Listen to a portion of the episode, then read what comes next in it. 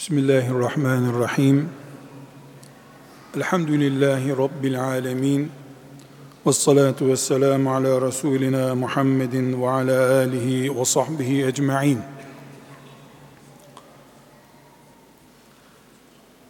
Değerli mümin kardeşlerim, hepimizin bildiği mühim bir gerçek var. Rabbimiz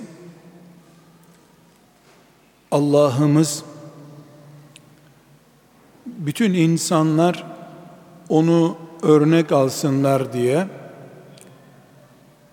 Abdullah'ın oğlu Muhammed aleyhissalatu vesselam'ı peygamber olarak gönderdi. Ona iman edenler ve imanlarının gereği olarak onu izleyenler sadece mümin olarak cennete girecekler dedi kanun koydu Allah. Bunu biliyoruz. Bildiğimiz bir gerçek daha var. Resulullah olarak Abdullah'ın oğlu Muhammed aleyhisselam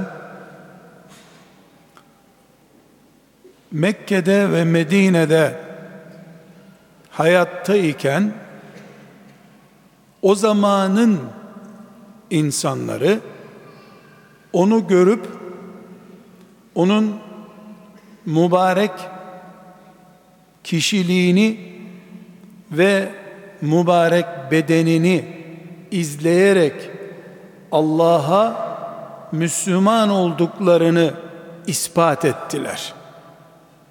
O kadar ki o Medine'ye hicret edince Medine'ye hicret etmeden yani onun bulunduğu şehre onun mübarek vücudunun bulunduğu yere gitmeden iman da kabul olmaz oldu.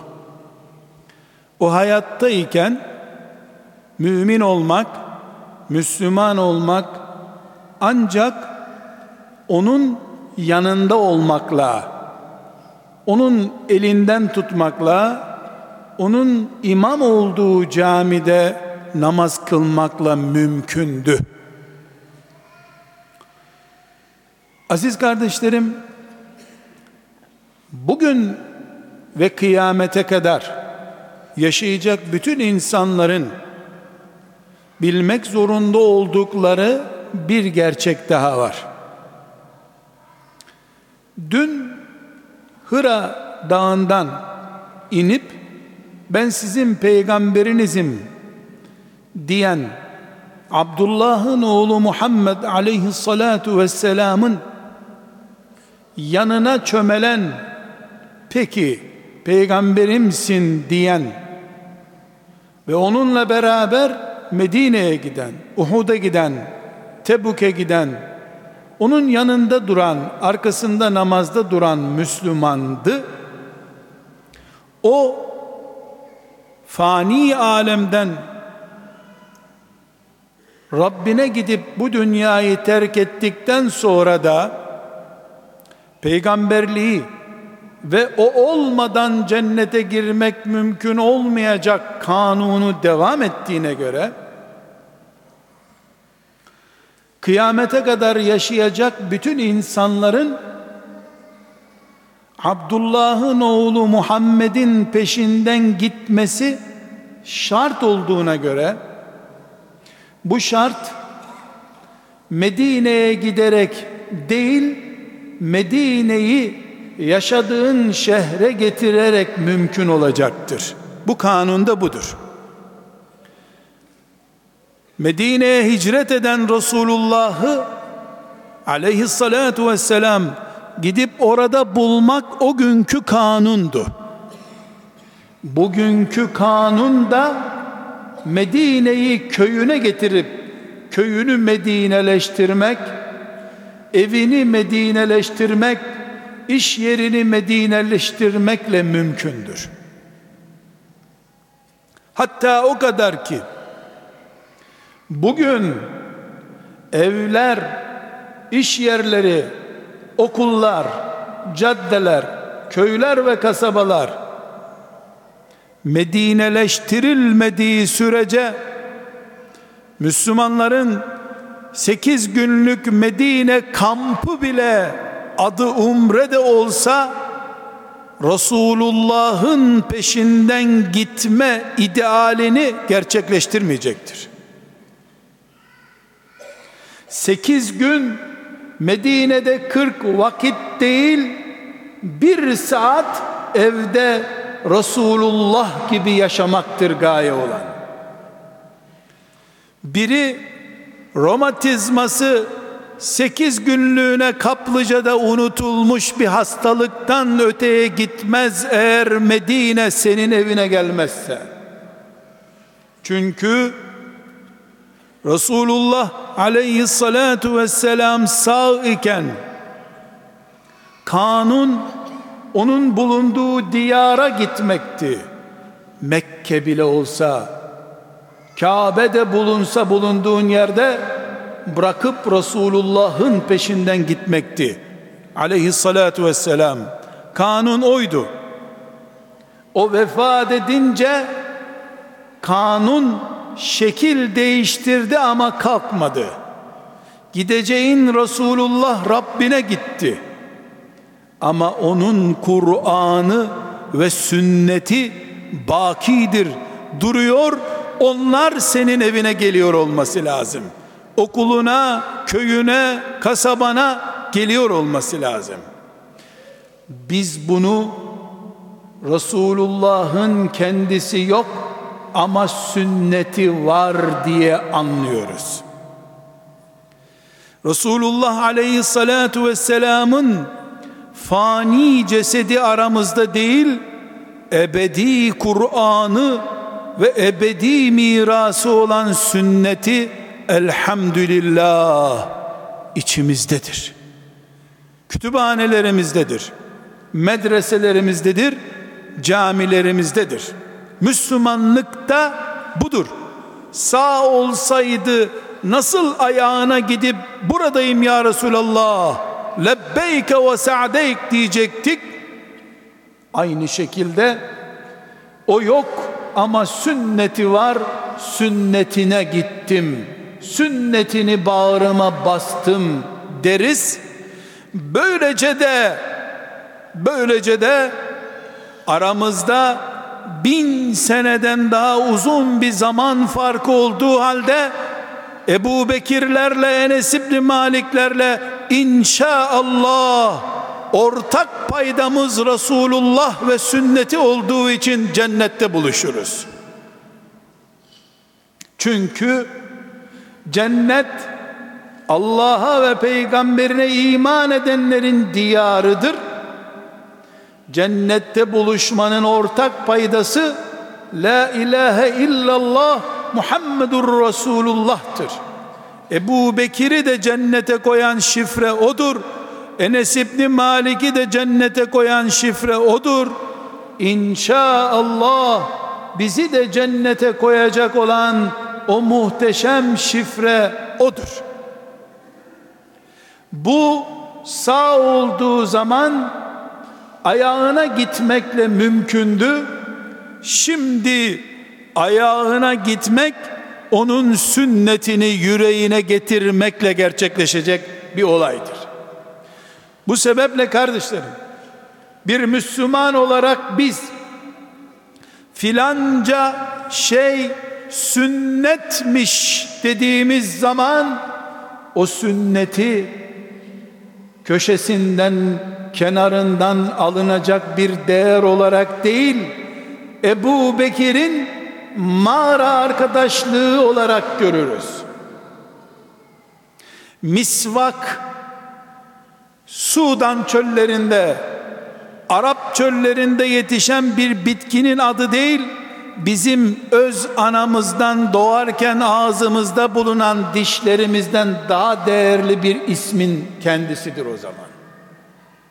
Kullanamıyor olsak bile misvakı onu azı dişimizden daha güçlü tutarız. Çünkü adına Resulullah'ın adı birleşmiştir. sallallahu aleyhi ve sellem. Sakal çenemizde biten tüyün adı değil. Ebu Bekir'le Enes İbni Malik'le cennete girişte ortak paydamızın simgelerinden birisidir o zaman. Bize öğle namazından önce veya sonra şu kadar sünnet namaz kılmayız. Şu kadar ortak paydamızdan eylem yaparız.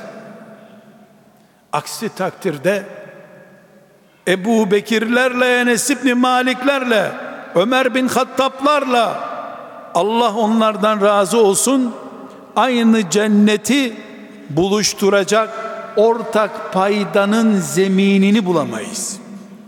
Hayali bir mücadelenin peşinde koşmuş oluruz.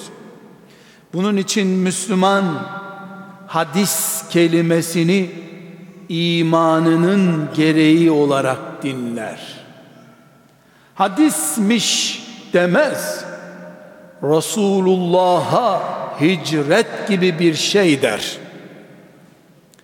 Medine'ye gidemeden yüreği Medineleşmiş Müslüman bu Müslümandır.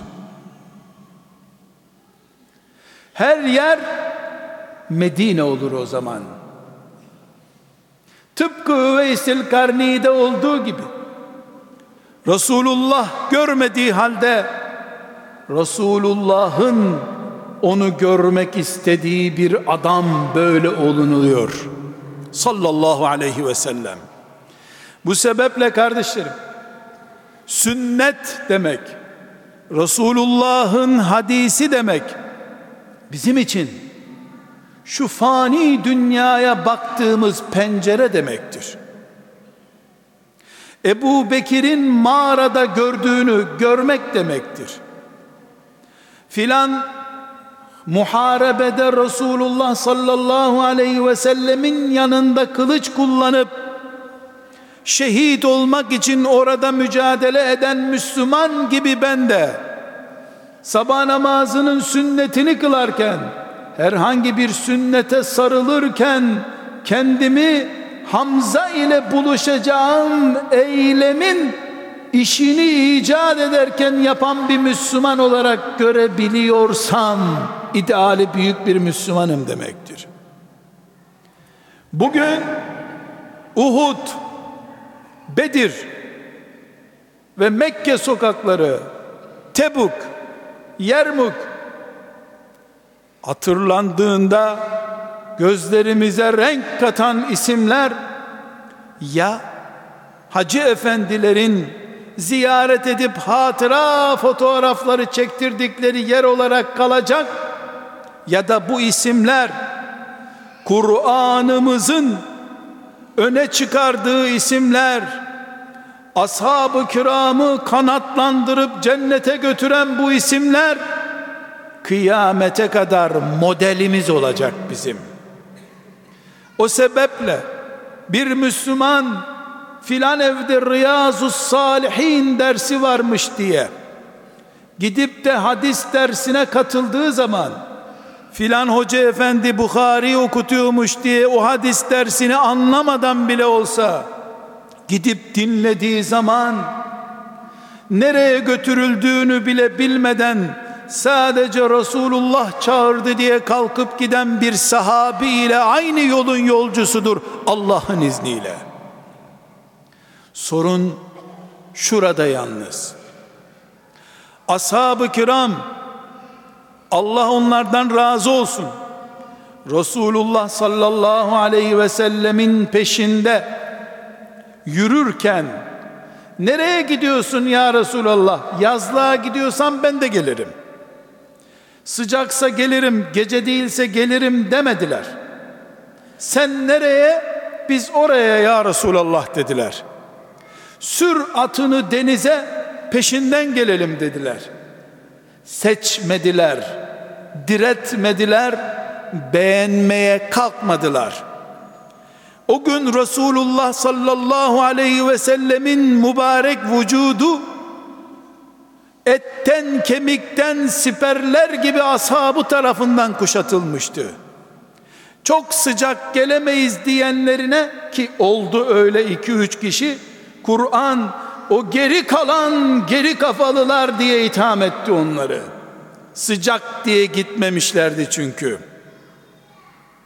Bütün koca dünya bir ceviz kabuğu kadar daraltılmıştı onlara. Çünkü Resulullah'ın peşinden sıcak soğuk, iyi gün kötü gün mevsim iş diye seçmeden gidilmesi gerekiyordu. Sıcak demeye kalktı iki üç kişi.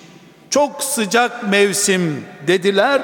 Sıcakta yalnız bıraktıkları Resulullah'ın cezası olarak da Allah onları koca dünyada bir ceviz kabuğunun içine daralacak kadar yalnız bıraktı.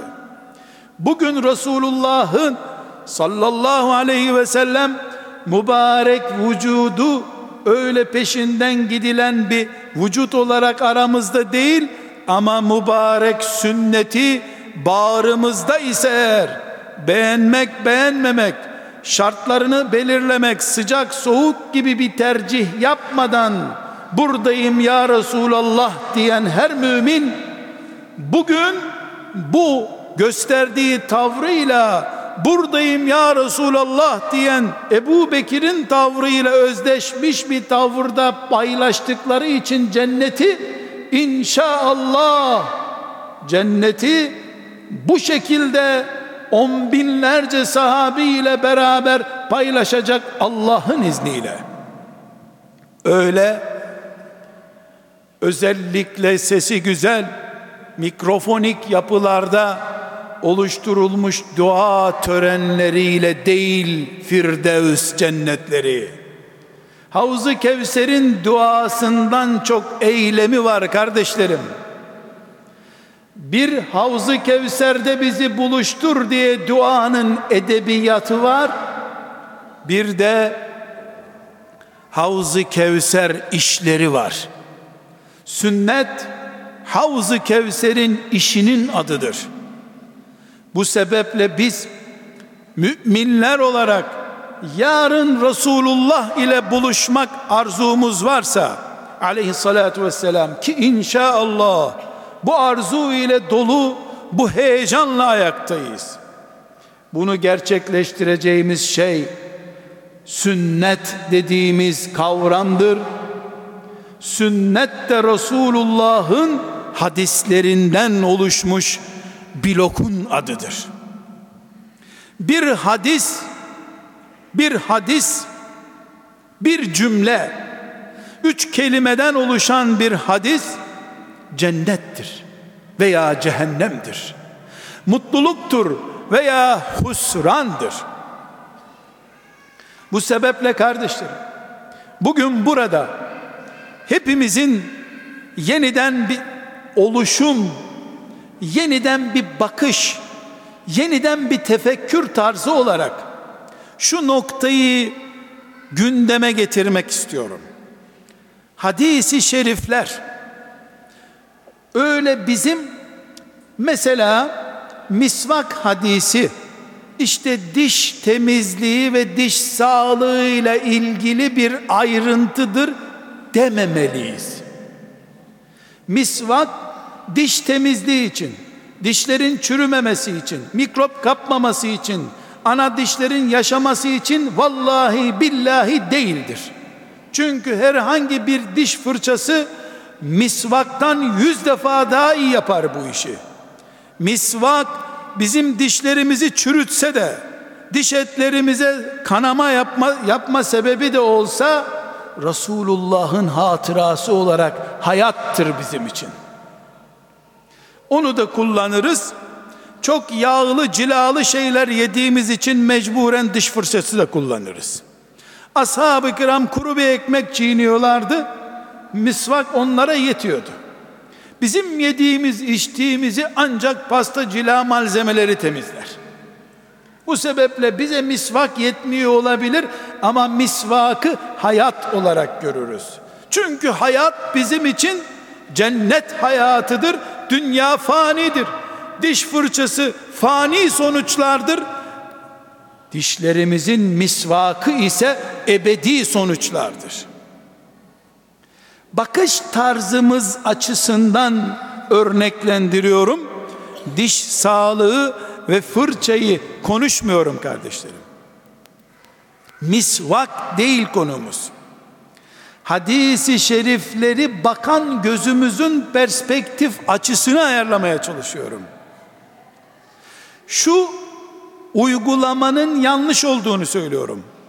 Bir Müslüman denizin kenarında açık bir alanda bir ev yapmış. Ama dört tarafı açık olduğu halde bir tarafından pencere yapmış. Dolayısıyla evine aldığı güneş dörtte bir oranındadır.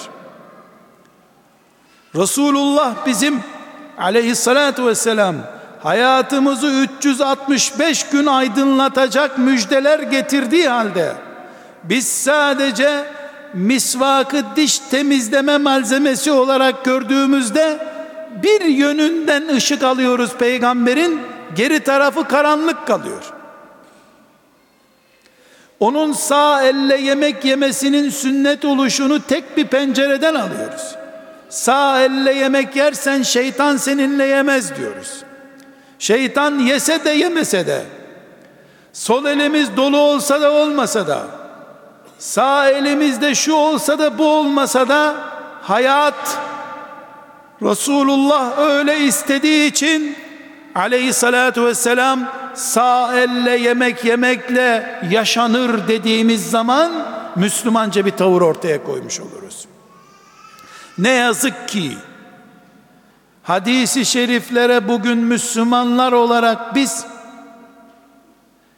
yani çok değerli ahlaki ve dini sözler diye bakıyoruz. Bu üzerimizdeki kültür emperyalizminden sonra oluşmuş bakış tarzıdır. Hadisi şerifler yani Resulullah'tan bize gelen sözler hayatımız ve yaşantımızın orijinal şeklidir. Çok değerli sözler demek hadis ifadesi için yeterli değildir kardeşlerim. Çok değerli sözler İmam Gazali'nin sözleridir. Nevevi'nin sözleridir. Filanca alimin sözleridir. Çok değerlidir. Hadis ve ayet değerli olmaz. İmana değer biçilemez ki imanın ham maddesi olan ayet ve hadise değer biçesin. Değerli ve değersiz ayrımı listesine konamaz Resulullah sallallahu aleyhi ve sellem. Kur'an'a puan mı vereceğiz? Peygamber aleyhisselama puan mı vereceğiz? Değer 22 ayar üzerinden mi? 20 ayar üzerinden mi? 18 ayar. Ne değeri biçtik? Hayır. Ayet ve bize sahih yollarla ulaşmış olan hadis değerli değildir. İmandır, hayattır. Uğruna cihad edilir, şehit olunur şeylerdir. Şurası diye gösterdi Resulullah sallallahu aleyhi ve sellem. Orası bir yığın müminin şehitlik merkezi olduğu Uhud'da. Şurasına canlar verdiler. Şimdi mümin olarak biz hadisi şerifleri şurası yani kuzeydoğu 120 derece öyle mi tarif edeceğiz biz? Hamza'nın uğruna şehit olduğu yere açı mı biçeceksin? Bakarken hadisi şerifler bizim cennet güzergahımız olarak görülmelidir. Bütün hadisler böyledir. E ben baktım hadisi şerif sadece diş temizlemeyi anlatıyordu. Sen o kadar gördün. O diş temizlemeye Allah cennet verdiğinde diş mi temizledin, yürek mi temizledin, imanını mı parlattın o zaman belli olacak. Elbette beşer olarak her hadisten yüzlerce anlam çıkaramayız. Ama şunu biliriz. Peygamber sallallahu aleyhi ve sellem Efendimiz hayatın bütününü kuşatmak için gelmiştir. Kur'an'ımız bütün kainatı insanın bütün hayatını kuşatmak için vardır ve kuşatmaktadır. Hadisi şerifler Peygamber aleyhisselamın açıklamaları da bu anlama gelmektedir. Kardeşlerim sadece iki örnek zikretmek istiyorum. Bu bakış zihnimizde iyice yerleşsin diye. Yani Peygamber aleyhisselam Efendimiz Medine'de ziyarete gelen hacılara tesbih dağıtan, çok iyi sözler, nasihatler yapan, çocuk çocuğunuza iyi bakın göreyim sizi diyen bir beyefendi, yaşlı bir hacı amca gibi görüldüğü zaman yıl sonunda sadece doğduğu gün hatırlanan bir peygambere dönüştürülür. Bu da afettir. Bu da sonunda tahrif edilmiş Hristiyanlığın uğradığı akibettir. Hayır. Kıyamete kadar bütün insanlığa yetecek enerjiyle dolu bir peygamberimiz var bizim. Sallallahu aleyhi ve sellem. Bakınız Bukhari'nin ve Müslim'in ve pek çok hadis kitabının rivayet ettiği bir hadisi şerifi defalarca duymuşsunuzdur.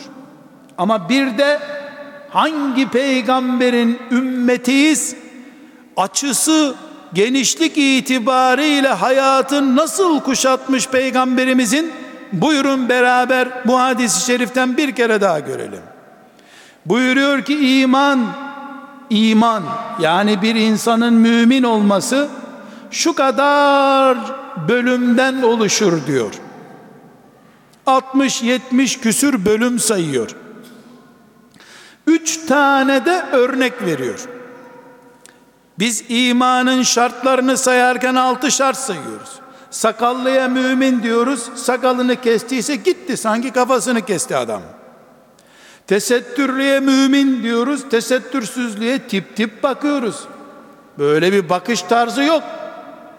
Peygamber aleyhisselam ise sadece namaz, sadece oruç, kurban bayramında kurban kesmekten daha geniş bir açıdan kainatın üstünden bir noktadan bütün dünyanın ve güneş sisteminin bir yüzük kadar küçük kaldığı büyük bir açıdan bakarak imanı tarif ediyor da 60-70 bölümden oluşur dedikten sonra La ilahe illallah Muhammedur Resulullah birinci basamaktır diyor. Bunu biliyorduk zaten. İmanın ve İslam'ın şartı bu biliyorduk. Sonra buyuruyor ki bu la ilahe illallah dedik mescitlere dolduk ya Kabe'ye yığıldık ya Mescid-i Aksa hasretiyle tutuştuk ya la ilahe illallah'la bağlantılı olduğu için. Kur'an kitabımızdır dedik ya sonra da buyuruyor ki yürüdüğün yolda birisinin ayağına batacak bir zararlı nesneyi almakta, kenara koymakta imanın bu 60 bölümünden bir tanesidir diyor. Camilere la ilahe illallah dediğimiz için doluştuk. Hac mevsiminde Kabe'ye yığıldık. Umre ucuzlayınca umre üstüne umreler yaptık. Sokaklarda belediyenin toplaması gereken cam kırıklarını toplayanlar Muhammedun Resulullah standardında Müslüman olarak önüme konuyor. Halbuki belediyenin görevi bana ne? Temizlik vergisini de vermişim ben. Bu vatandaşlık standardı. Temizlik vergisini verdin, belediye temizlemediyse dilekçeni de yazarsın, mahkemeye de verirsin. Muhammed'in Medine'sinden dünyaya bakıldığında gittiğin caminin yollarındaki cam kırıklarını alıp da çöp kutusuna atmak la ilahe illallah'la başlayan Müslümanlığın temel 60 standardından bir tanesidir. Muhammed sallallahu aleyhi ve sellemin Medine'sinden dünya böyle bir dünya. İman 60-70 bölümden oluşur ha deyip sahih bir hadiste bize ulaştırdıktan sonra sevgili peygamber aleyhisselam efendimiz sayarken Allah'a iman, meleklere iman, ahiret gününe iman, mizan, terazi bunları zaten biliyoruz da koca la ilahe illallah arşı levhi mahfuzu kuşatan bu slogandan sonra yoldaki cam kırığını almaktan söz ediyor. Yoldaki cam kırığını almak yolda kediye eziyet verir, çocuğa eziyet verir, arabanın lastiğini patlatır diye bir ağaç parçasını alıp bir kenara koymak saygın bir vatandaşlık değil, cennete sokan eylemlerden biri. Buyurun Medine'den bakınca dünya budur. Medine'den bakacaksın ama. Buradan Medine'ye bakanların gördüğüne bakmayın siz. Medine'den bakınca dünyanın nasıl görüldüğüne buyurun bakalım. Sonra bir örnek daha veriyor. Hani 70'e yakın iman bölümü olabilir buyurdu ya.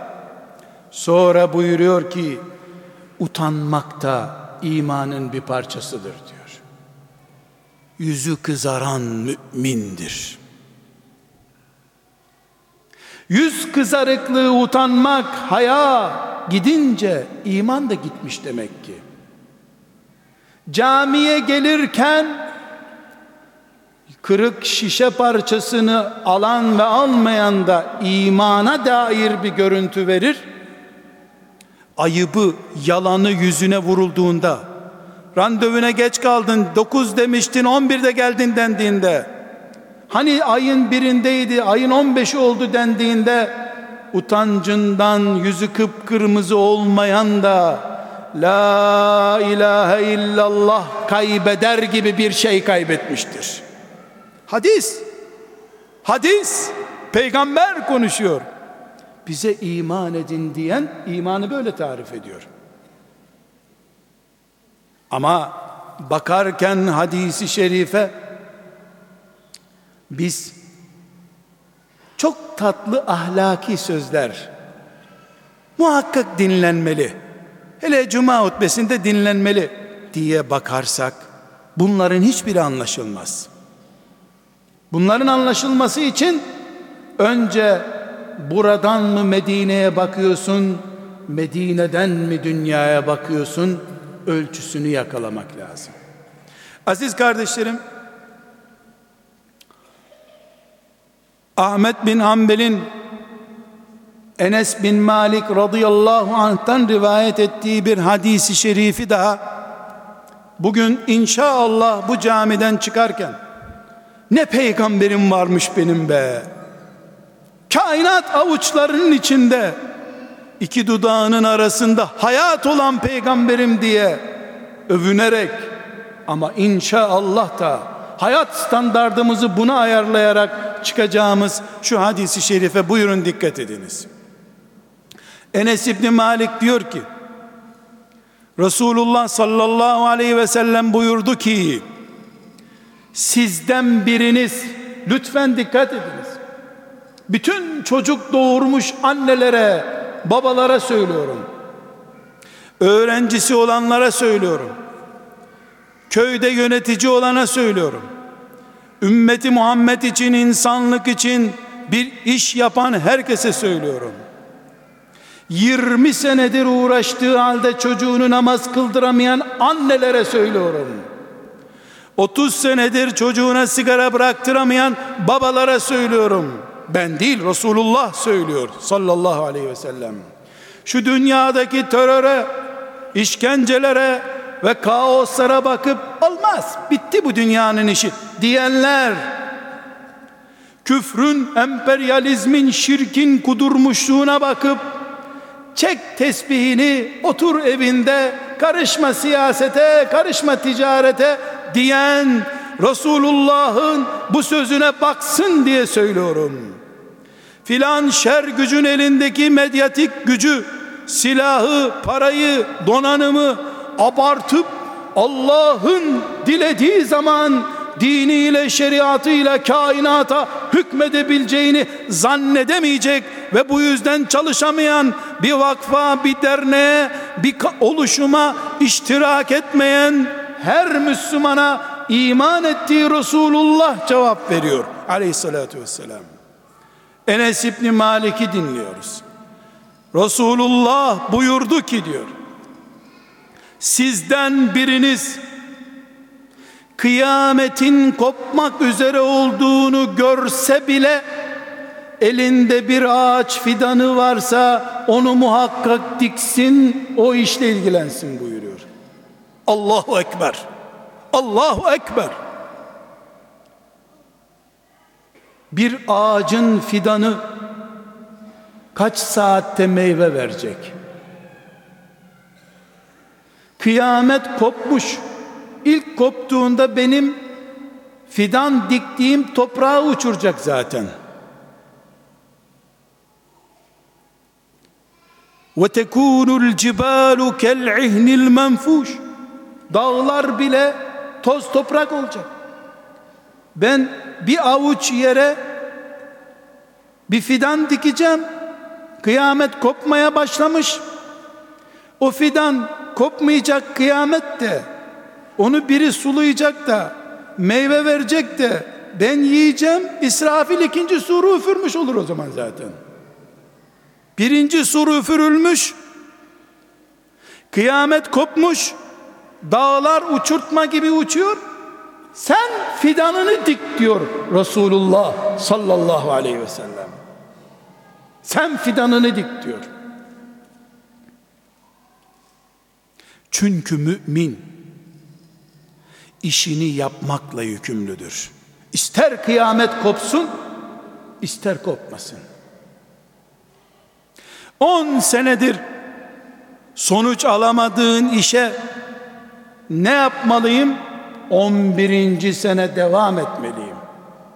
Çünkü peygamberim aleyhissalatu vesselam yalama olmayın canım madem tutmuyor boş verin demedi. Kıyamet koparken bile fidanı çürütmeyin dedi. Sadece iki kere nasihat ettiğin için sözünü dinlemeyen oğlunu, talebeni, arkadaşını listeden silerken sen ey mümin yanlış düşünüyorsun. Kıyamet kopmadığı halde ki o çocuğun kıyameti ölümüydü ya da senin kıyametin senin ölümündü. Böyle bir ölüm gerçekleşmediği halde bıkıp gidemezsin. Muhammed'in ümmetinden hiçbir insan dört kişinin omuzunda ahirete gitmedikçe bıkmaz, usanmaz, korkmaz, yorulmaz mümindir. Mümindir çünkü. İman ederken biz cennete cehenneme inanın diyen Resulullah'ın sallallahu aleyhi ve sellem bu hadisine de iman ettik. Bıkmak, usanmak hak değildir. Böyle bir hakkı yoktur müminin. Eğer mümin ecdadımız Allah onlardan razı olsun. Defalarca Haçlıların işgaline bakıp bu gavurlarla uğraşamayacağız deyip cihad etmeseler dinlerini bıraksalardı bugün bu topraklarda ezan ve namaz olacak mıydı? Altı kere gelenleri yedi kere kovdukları için bugün ezan dinliyoruz. Teknolojisinden şerleşmiş gücünden dolayı ümmeti Muhammed'e kan kusturan zalimlere bakıp kenara çekilenler kıyamet günü bu fidanı dikmeyi emreden Resulullah'a herhangi bir şefaat dileğiyle nasıl bakacaklar acaba? İslam için ümmeti Muhammed için çalışmayı nesillerin geleceği için insani ve İslami işler yapmayı cami imamlarına üç tane vakıf görevlisine bırakıp kendisi evde güya ibadetle meşgul olduğunu zannedenler ellerindeki fidanları kuruttuklarının hesabı ile kıyamet günü dirileceklerdir. Hesap meselesi, kitap meselesi kardeşlerim. İşte benim peygamberim bu. Kıyamet kopuyor, işine bak diyor.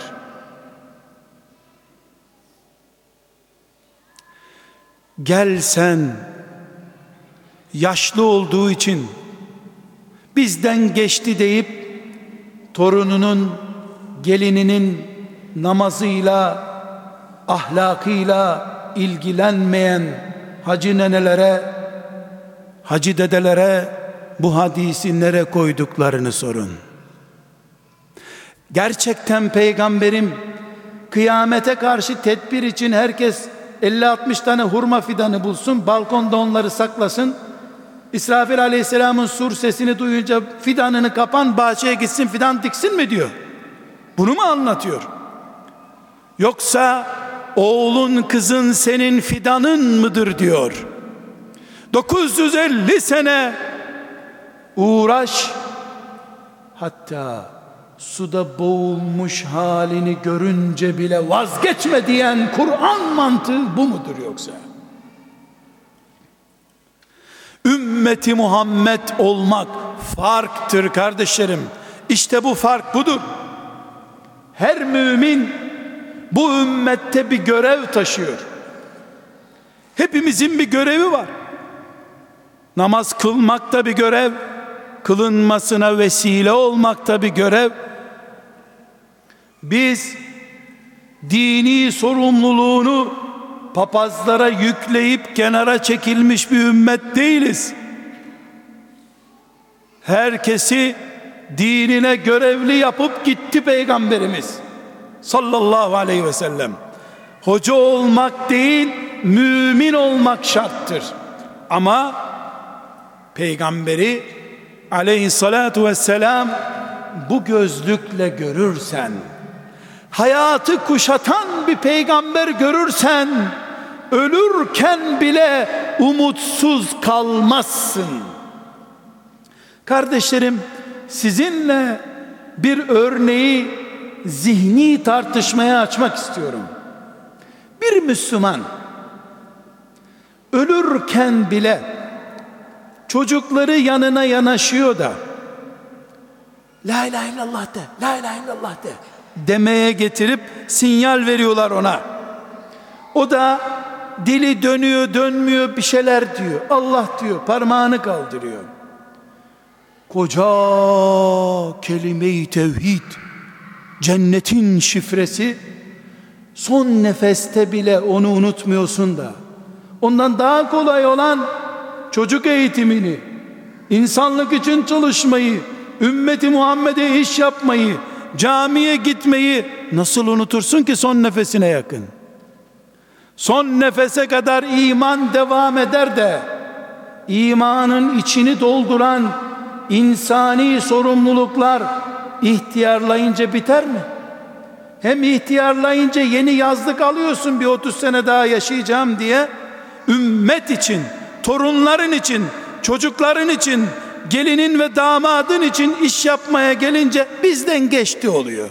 Senden ne hikmettir yazlık villalar geçmez, işe geldi mi her şey geçer senden. Muhammed aleyhisselam standardı bu değildir. Kıyametin sur sesini duyan bile işini bırakmayacak.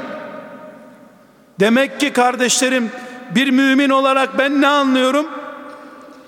Ben bir yerde ders yapıyorsam, şurada konuşma yapıyorsam, kıyamet sinyalini duysam bile inşallah bu dersi bırakmamam gerekir. Çünkü herkes yaşadığı gibi ölecek, öldüğü gibi de dirilecekse eğer Allah diyerek İslam için, ümmet için çalışarak ölmek son nefese kadar bunu devam ettirmekle elindeki fidanı dikiyorken İsrafil aleyhisselam ile karışma karşılaşmakla mümkündür.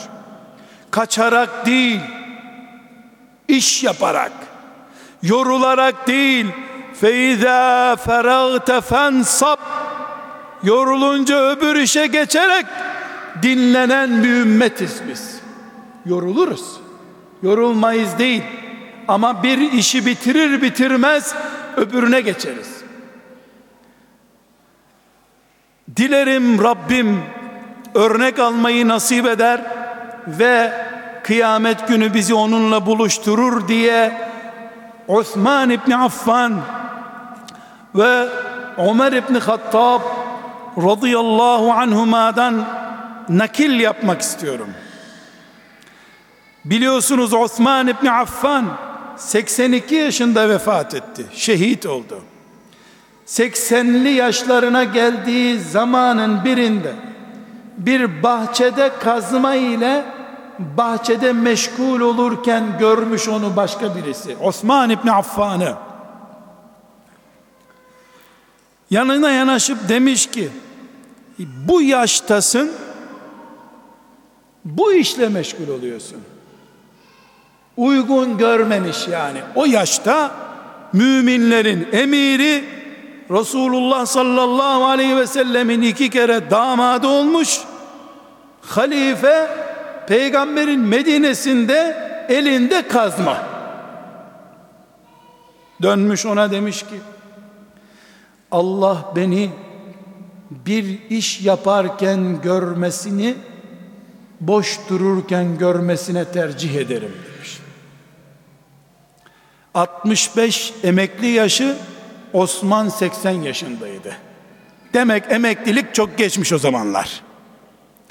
Yine Ömer İbni Hattab radıyallahu anh yaşlı bir zatı görmüş.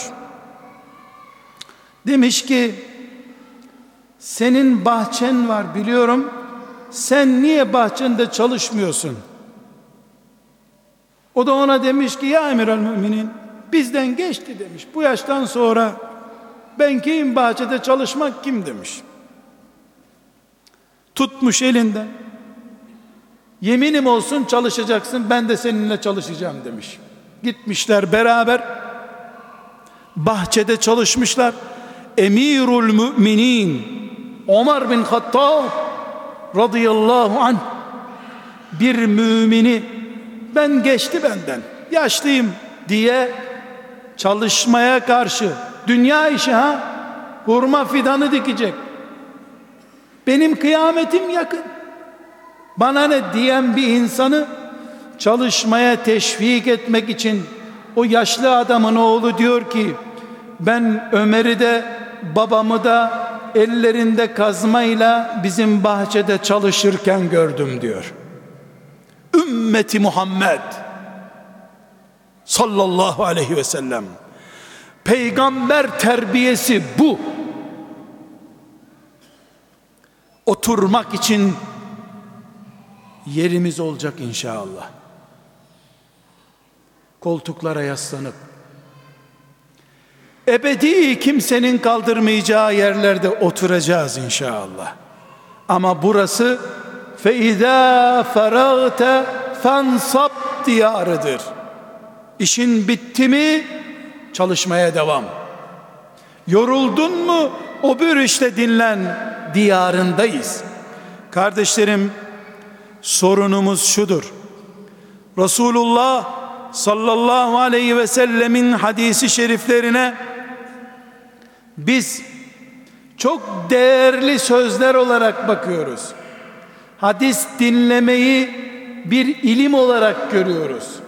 Sünneti nostaljik bir hatıra olarak görüyoruz. Yalan, yanlış, hata, çirkin olmaz şeydir bu.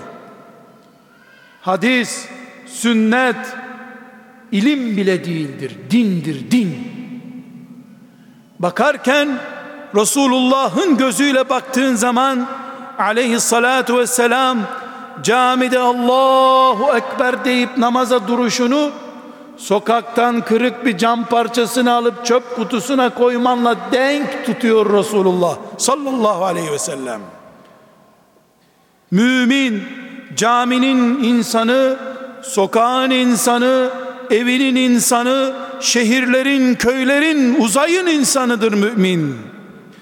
Kıyamette kopsa, yer yerinden oynasa, değil sabah namazını kaçırmak, değil gusül abdesti almak, elimdeki fidanı bile bırakmam alimallah. Velev kıyamet kopsun. Değil mi Resulullah sallallahu aleyhi ve sellem bir saat sonra vefat ettiğinde kendisinden 2000 kilometre öteye ordu göndermişti. Ordusu Medine'den 3 kilometre yürümeden ruhunu Rabbine teslim etti. Çalışmak, çalışmak. iş adamı. İş adamı. Ve 63 yaşındaydı. 17 yaşında kendisi gibi çalışmaya kıyamet kopsa bile elindeki fidanı bırakmayacak Üsame'ye ordusunu teslim etti. Gözü arkada kalmadan Rabbine gitti. O peygamberin ümmetiyiz. Velhamdülillahi Rabbil Alemin.